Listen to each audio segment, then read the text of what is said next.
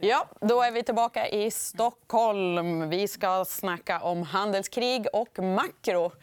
Och vi noterar först en riktig rökare i form av Vitrolife som rusar på sin rapport upp 22 ungefär. Ja, det är onsdag den 6 november och du tittar på EFN Börslunch.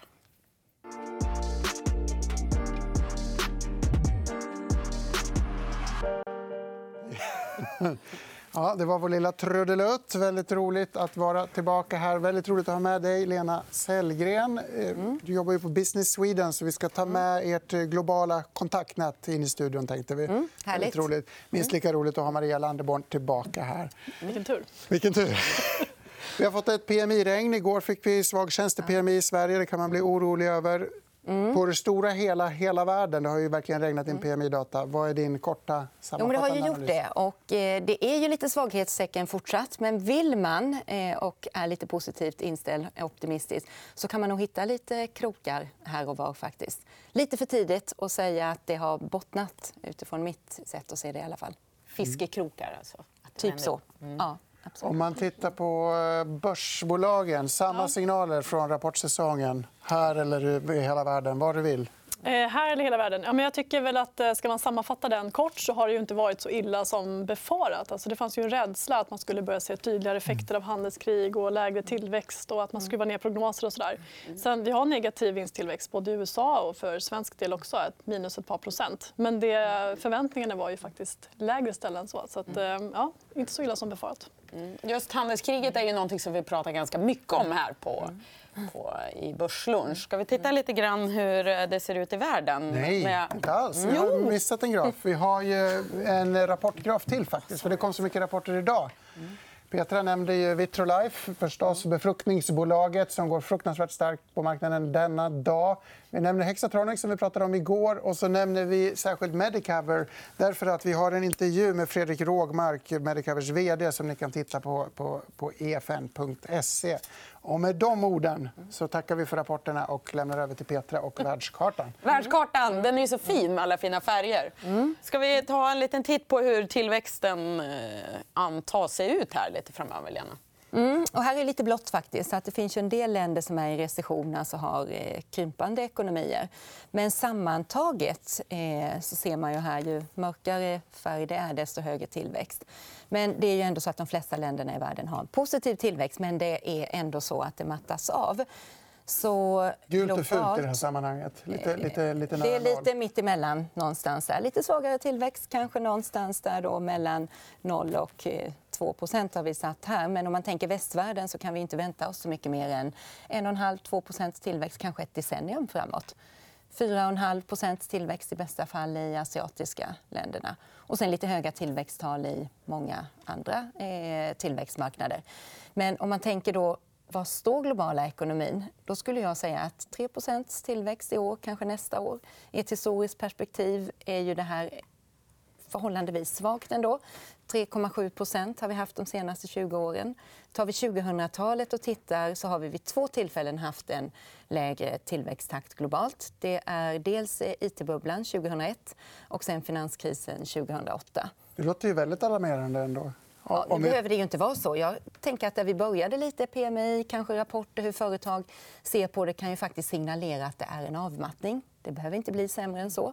Utan lite svagare tillväxt, något slags normalt. Men då tror jag att vi upplever många gånger att oj, nu blir det sämre tider. Så psykologin är nog mm. jätteviktig i det här. just att man ser Det kommer från väldigt, väldigt höga nivåer och så går det ner för mycket av eh, index ligger runt eh, sina normala nivåer, 50 eller 100 beroende på hur det är normaliserat. det ska man inte glömma bort. Jag tror vi har en tendens att vara lite för negativa. Så det blir någon slags självuppfyllande... Absolut. Absolut. Jag tror att det handlar om rapporteringen också. Mm. Alltså det känner ju jag som får ganska mycket frågor. Att frågorna handlar ju alltid om är det en lågkonjunktur, eh, mm. är det börsras på mm. gång. Alltså fokus blir ju på att försöka hitta den här stora nedgången. Man vill ju inte prata så mycket om att det blir en liten avmattning utan mer dramatik. Mm. Det Och det... dramatik, ja. Mm. Ja, jag känner mig skyldig som journalist till detta. Men vi byter ämne snabbt. Vi har en tabell som visar lite grann hur den här makrobakgrunden påverkar Sveriges ekonomi. Du mm. får förklara vad vi ser. Nej, mm. förlåt. Nu är det jag som blandar bort kort. Ja, där har vi den. Hur det här påverkar? Jo, men vi har ju ändå, när, vi, när vi ser den här säger att vi har ändå en tillväxt på ungefär 3% i världen även nästa år så har vi ju ganska många risker där ute. Vi har en avmattning. Tittar vi på Europa, som är Sveriges absolut viktigaste eh, handelspartner mm. sammantaget. 73% ungefär har vi den här bilden som man kan se också. Dit går det mesta av vår export. Och vi vet att vi är väldigt eh, exportberoende. Alltså vi behöver få tillgång till en större marknad. Och det är klart att går det ner, vi kanske får en halv procent tillväxt i Tyskland. Tyskland är 27 procent mm. av euroområdets BNP. Så den kraften som finns där och som vår viktigaste handelspart, det kommer att ha betydelse.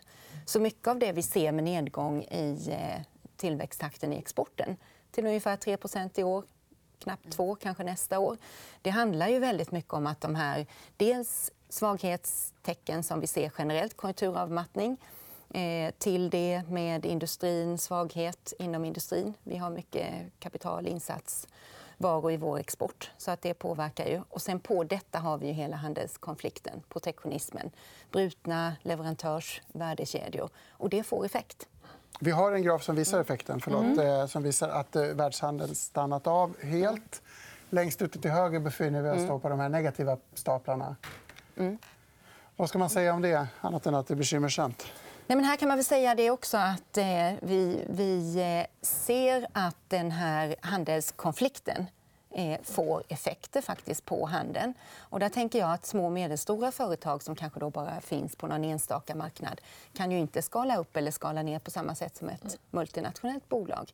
Så det här får större effekter än vad man kanske tänker initialt när man ser USA och Kina, en eskalerande handelskonflikt. Men till följd av att vi är så integrerade marknader emellan, företag emellan så slår det ju ganska snabbt i större utsträckning. Och bara svensk export har 40 i genomsnitt import i sig. Så då kan man ju se där i att det går fram och tillbaka och det blir ökade kostnader. Maria, när du mm. lyssnar på Lena nu, då mm. tänker du all time high. Eller? Exakt. Det är så mycket positivt här. Ja.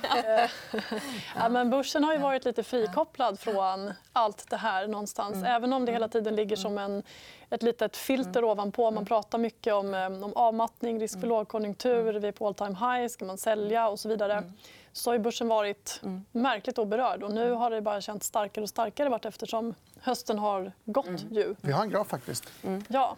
Rött, extremt överköpt, skrev Bespoke Invest i en kommentar häromdagen. Eh, mm. Alla bedömare nästan säger att man ska vara inne på börsen. Alla våra ja. gäster här är tokpositiva. Ja.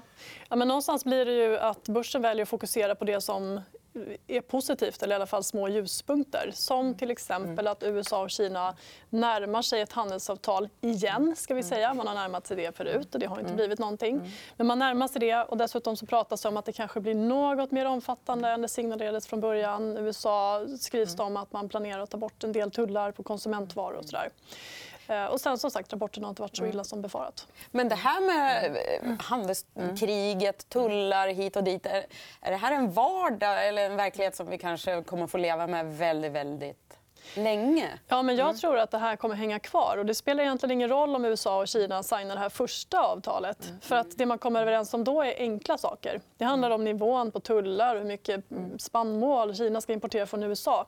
Det är ganska lätt att komma överens om. Det som är svårt det handlar om skydd av patent, immateriella rättigheter, IP-stölder. Alltså hela den biten. Och till att börja med är den svår att komma överens om överhuvudtaget. Mm. Sen är den också svår att kontrollera om man följer eller inte. Så att risken finns ju att även om de skulle komma överens om någonting, lyckas få ner något på pränt, eh, lite mot förmodan, mm. så finns ju risken att Trump inte tycker att Kina följer det här. Och då tror jag att han har inga problem att bara riva det där mitt i tu och införa nya tullar igen. Så att osäkerheten kommer finnas kvar. Mm. Men för börsen verkar det inte spela så stor roll ändå. Då? Nej, det är inte mm. det den främst fokuserar på. Och någonstans så har ju det här hängt med nu i drygt ett och ett halvt år. Och, eh, det blir ju mm. lite vardag, precis som Brexit och alla andra oroshärdar som vi har. Håller du med om det? Ja, men jag, håller, jag håller helt med. Jag håller helt med om det. Och jag tror här, det underliggande som jag tror du är inne på, Maria, här, är ju just att den här maktförskjutningen som mm. sker i världen som går ganska så fort. Idag har vi 54% av ekonomiska makten i vad vi traditionellt sett har kallat då västvärlden, Nordamerika och Europa. Men tittar vi bara kanske 10-15 år fram i tiden så kommer vi ju ha det i öst. För Det är där det växer snabbast. Vi kommer ha flest människor som bor i inte minst då, eh, Asien. Sen kommer Sydamerika, eh, Afrika lite längre fram för det är så pass låga nivåer idag så att det går ganska långsamt även om tillväxttal är högt. Så det är klart att det pressar ju på väldigt mycket, inte minst på USA när Kina kommer som en andra stormaktsspelare och Eh, blir mycket mer innovativ, kommer upp i värdekedjan. Mm. Utmanar inte nödvändigtvis den rådande världsordningen, men maktfördelningen. Mm. Och sen tillsammans då med att vi har hela den digitala transformationen. Vi har alla möjliggörande teknikerna, AI, robotics, internet of things, eh, additiv tillverkning, 3D-printing. Alltså allt det här som vi nu ska skapa affärsnytta av skulle jag säga ligger mycket också i hur bolagen möter upp det här. Och då kommer ju hela det här med eh, cybersecurity-området, informationssäkerhet och eh, när vi inte längre handlar i varor och tjänster eh, utan mer i kanske ettor och nollor. Vad är det vi egentligen rör oss mot? Så det här har ju jättes, jättestor betydelse. Desto bredare ämnen, desto mer orolig blir man. Jag tänkte att vi ska försöka se till det positiva ändå. Ja. och gå till nästa graf som Maria hade med sig. vi ser, det finns ändå tecken. Mm. Du var inne på det Lena tidigare, men Maria, här ser vi det finns orsaker till Ja, precis. Det här är ju ISM och Market. Det är två olika inköpschefsindex helt enkelt i USA. Ehm, och tittar man på de här så ser man att det finns en liten, den där lilla fiskekroken upp där. Sen är frågan, alltså det, fiskekrokar upp finns det ju i nedgång också. Så att mm. frågan är om man verkligen nått botten. Men det finns lite tecken på bottenkänning. Dels för europeisk del, även i Kina.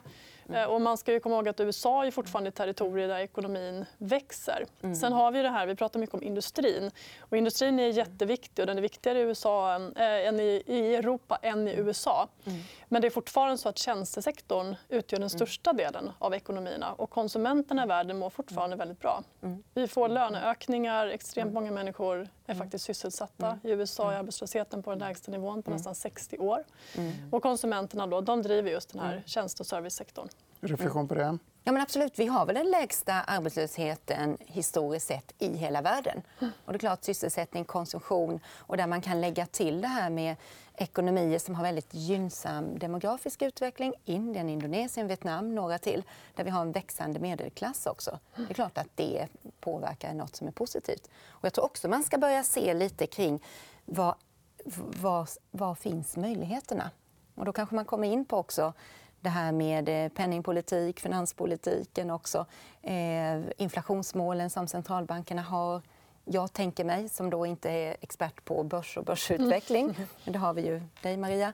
Men då tänker jag ändå att just att vi har de här extremt låga räntorna och med stor sannolikhet kommer ha det under lång tid mm. så trycker det ju in både på börsfastigheter, för kapitalet söker så hög avkastning som möjligt. Så Det är väl liksom en bidragande faktor. Men sen även i hur går det för bolagen? Hur ställer man om mm. i det här? För det finns ju enormt mycket möjligheter. Kan man skapa affärsnytta med den här möjliggörande tekniken så kan det bli väldigt positivt. Mm. Absolut. Vi har, vi har en centralbanksgraf. Du var inne på det lite grann. Och det är väl det börsen hoppas på så mycket, att, att eh, stimulanser ska göra att vi kan fästa vidare. Frågan är om vi kan det så länge... Här ser vi hur mm. låga räntorna är. Den är vi mm. bekant med. Den verkar inte ja. kunna stiga någonsin. Eller vad säger du, Maria? Nej, alltså det ser ju ut som att vi kommer få leva med mm. låga räntor under många, mm. många år framöver.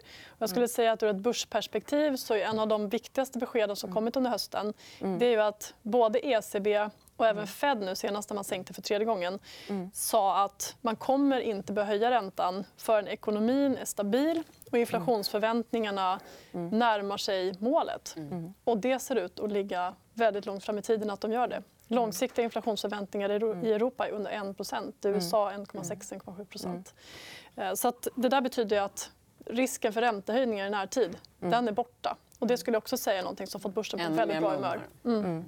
Ännu mer mumma. Hur mycket mumma kan man få? Ja. ja. men jag tänker där att om eh, vi skulle kunna känna oss trygga i att vi kommer ha låga räntor under lång tid utan att inflationen tar fart då är det väldigt gynnsamma förutsättningar för just investeringar. Ja. Däremot tror man väl inte riktigt fullt ut på det för att centralbankerna målen är de adekvata. De ses över i många delar av världen. Så det Hur ser förutsättningarna ut för finanspolitiska stimulanser? Det är en annan ben. Räntorna är mm. redan så låga. Det är svårt mm. att elda på brasan ytterligare. Ja, det är nog tveksamt. Hur mycket ger det om du skulle behöva det av konjunkturella skäl eller att du får en avmattning och behöver trycka in mer stimulans helt enkelt för konsumtion och investeringar? Då är det nog begränsat.